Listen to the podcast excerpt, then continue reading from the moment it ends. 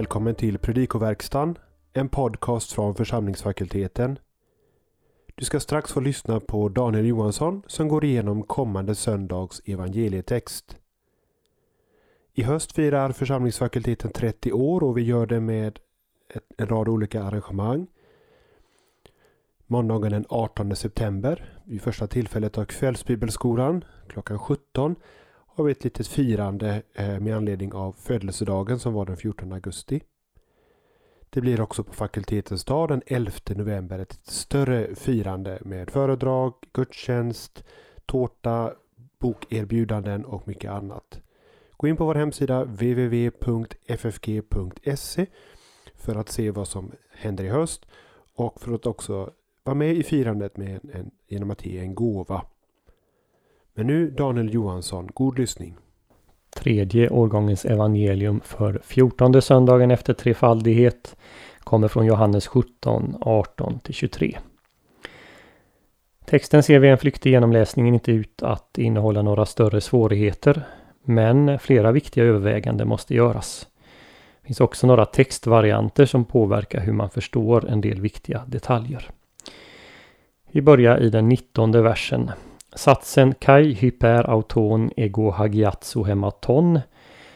Den översätts av Bibel 2000 med orden och för deras skull helgar jag mig till ett offer. Helt riktigt tolkas här hagiatsu när det står tillsammans med hyperauton som ju betyder för deras skull. Det tolkas som offerterminologi och man lägger därför till vad Jesus helgar sig till. Folkbibeln översätter här mer ord för ord och jag helgar mig för dem. I vers 20 så sägs eh, Peri ton pistevonton diato logo auton eis eme. Vilket betyder det troende på mig genom deras ord. Här gör Bibel 2000 en ordagrann översättning av presensparticipet. Medan folkbibeln talar om de som i framtiden kommer till tro. Vilket väl stämmer överens med det övergripande sammanhanget. I vers 21 finns både översättningssvårigheter och textkritiska problem. Den här versen innehåller hela tre hinna-satser som staplas på varandra. Vi frågar oss då, har hinna samma funktion i alla tre satserna eller finns det någon form av progression? Folkbibeln och Bibel 2000 väljer att översätta hinna i de två första fallen som innehållet i bönen jag ber att det må vara ett, att det också må vara i oss.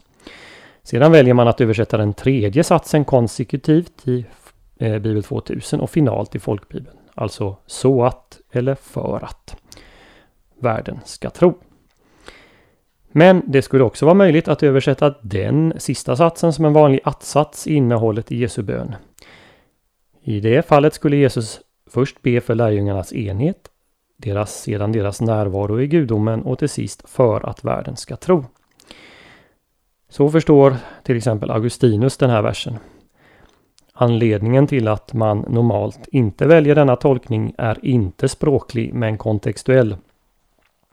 Jesus ber inte för världen någon annanstans och i 17.9 säger han att han inte ber för världen. Därav drar man slutsatsen att Jesus inte ber för världen här heller. Men det finns andra exempel i Johannes där Jesus, om jag får uttrycka mig så slarvigt, tycks ändra åsikt.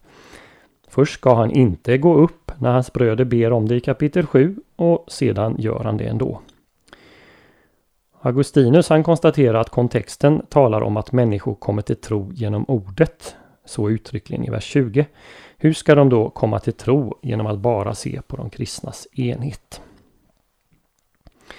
Backar vi så och betraktar vers 20 och 21 tillsammans kan man förstå förhållandet mellan 20 och 21 på två sätt. Antingen kan vers 21 tas som innehållet i bönen som omnämns i vers 20. Jag ber att de må vara ett. Eller så kan den första satsen i vers 21 uttrycka ett syfte. Jag ber så att de må vara ett.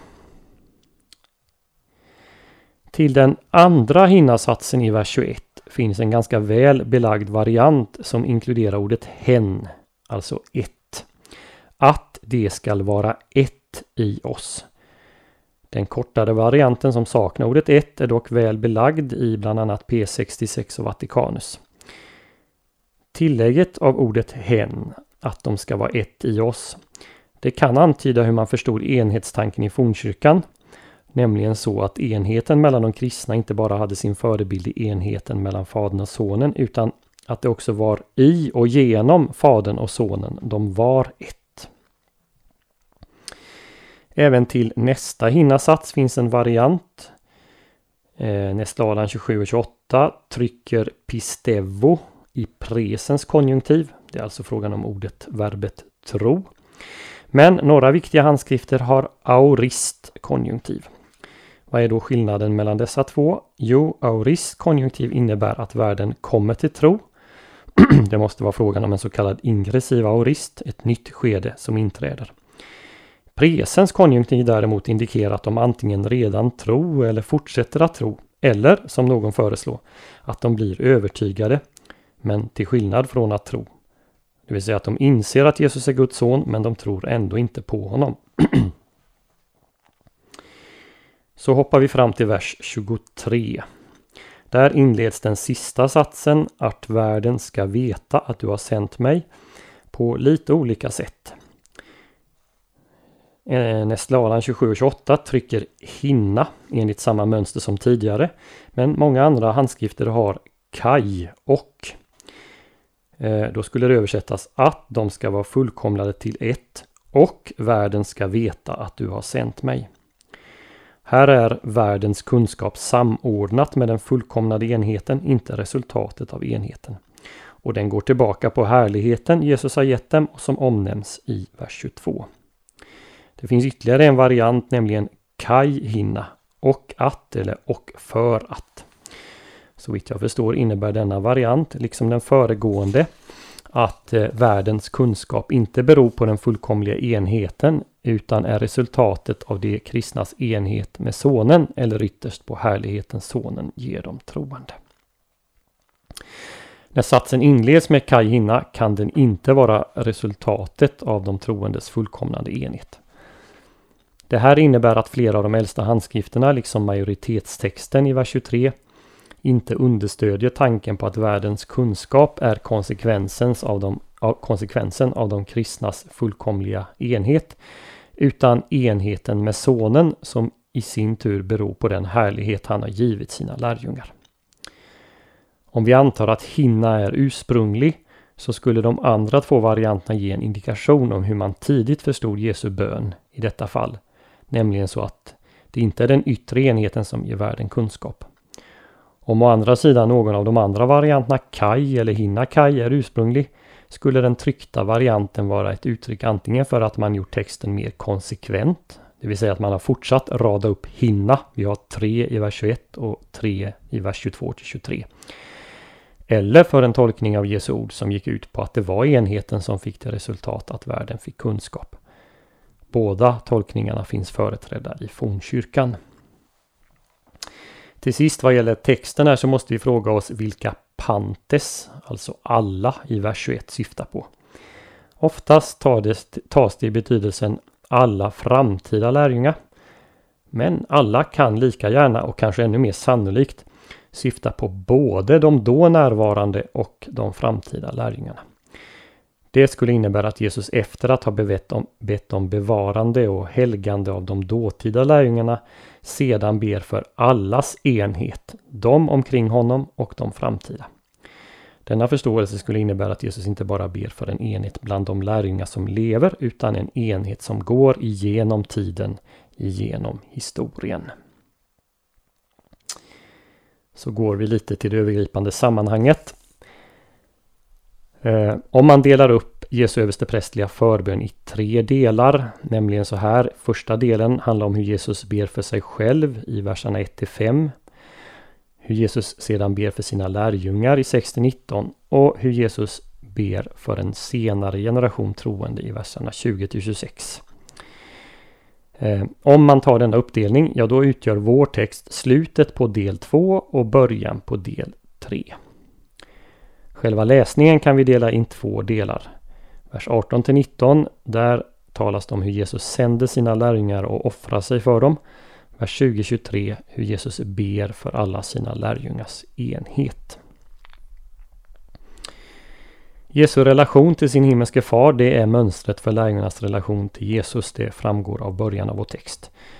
Som Jesus själv har blivit sänd sänder han nu sina lärjungar för att de i sin tur ska göra nya lärjungar. Men för att detta ska bli möjligt så helgar han sig själv till ett offer för dem. Jesu helgande av sig själv knyter här tillbaka på vers 17 där Jesus ber att lärjungarna ska bli helgade. Vilket är en förutsättning för hans sändande av dem. I och med vers 20 skiftar fokus från lärjungarna som är samlade kring Jesus till lärjungarnas lärjungar. Vilket väl inkludera de första åhörarna eller läsarna av evangeliet. Liksom den kristna kyrkan idag. Vad är det då för enhet Jesus åsyftar?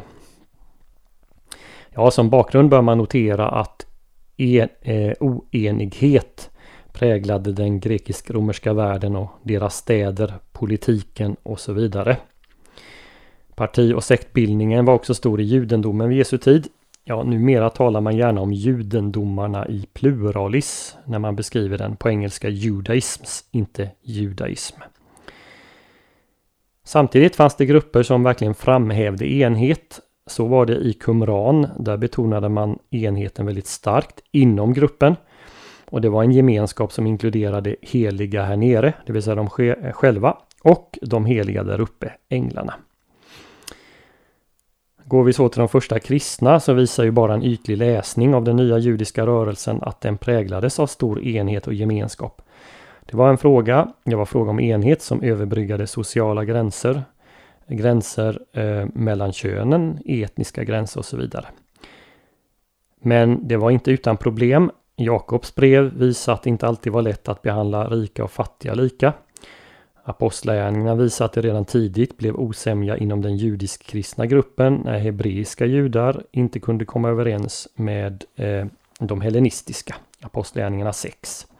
Och hur svårt var det då inte att överbrygga gränsen mellan judar och hedningar i kyrkan. Faktum är att om man ska peka ut ett problem för den kristna enheten under det första århundradet så var det nog frågan om judar och hedningars enhet. Det är ju för övrigt också huvudfrågan vid det första kyrkomötet, apostlamötet i Jerusalem som beskrivs i Apostlagärningarna 15. Etnisk enhet är också en central och viktig fråga i Johannes evangeliet. Större delen av kapitel 4, berättelsen om den samaritiska kvinnan, gesar på Jesu omsorg om samarierna. Inte minst slutorden om hur villigt samarierna tog emot Jesus understryker att de också ska inkluderas i gudsfolket. Det är en ny tid nu. Tid att tillbe ande och sanning. En liknande slutsats måste vi också dra av Johannes 10.16. Jag har andra får som inte hör till denna follan, dem måste jag också leda och de kommer att lyssna till min röst. Så ska det bli en jord och en herde. Eller Johannes kommenterande ord i Johannes 11.52. Ja, han skulle inte bara dö för folket utan också för att samla och förena Guds kringspridda barn. Så vad är det för slags enhet Jesus ber om i Johannes 17? Svaret är att det råder ingen enhet om det. Av alla de kommentarer jag konsulterat menar i princip samtliga att Jesu bön för enhet har inget eller lite med frågan om kyrkoenhet att göra, åtminstone inte direkt. Leon Morris sammanfattar det i följande ordalag. Det är inte en enhet i organisationen det är frågan om här, men något som är mycket svårare, hjärtats, sinnets och viljans enhet. Morris är evangelikal, men romersk-katolska arbeten från tiden efter andra Vatikankonciliet drar liknande slutsatser. Raymond Brown säger att det finns ekumeniska implikationer i 1721-23, men han konstaterar också att Johanneslitteraturen inte är särskilt ekumenisk i modern mening. Andra Johannes brevets tionde vers förbjuder den kristne att välkomna den vars lära inte är ortodox. Sammanfattningsvis måste vi konstatera att Jesus ber till Fadern för enheten. Det är fråga om något som bara Gud kan åstadkomma. Vi måste också konstatera att Jesu bön till Fadern, betraktad från den ringa begynnelsen i ett splittrat gudsfolk och ett segregerat romerskt världsherravälde, verkligen har blivit uppfylld. Genom snart två årtusenden har Kristi kropp, den ena flocken eh, under en herde, överbryggat klyftan mellan judar och hedningar, fria och slava, rika och fattiga, män och kvinnor, folk och nationer och stammar och tungomål. Du har lyssnat på ett avsnitt i Predikoverkstan från församlingsfakulteten. För att stödja FFG och för Predikoverkstans verksamhet ge en swishgåva på nummer 123 100 8457 eller på annat sätt som finns beskrivet och angivet på hemsidan www.ffg.se. På hemsidan hittar du också information om aktuell verksamhet och resurser som det är fritt att ladda ner och ta del utav.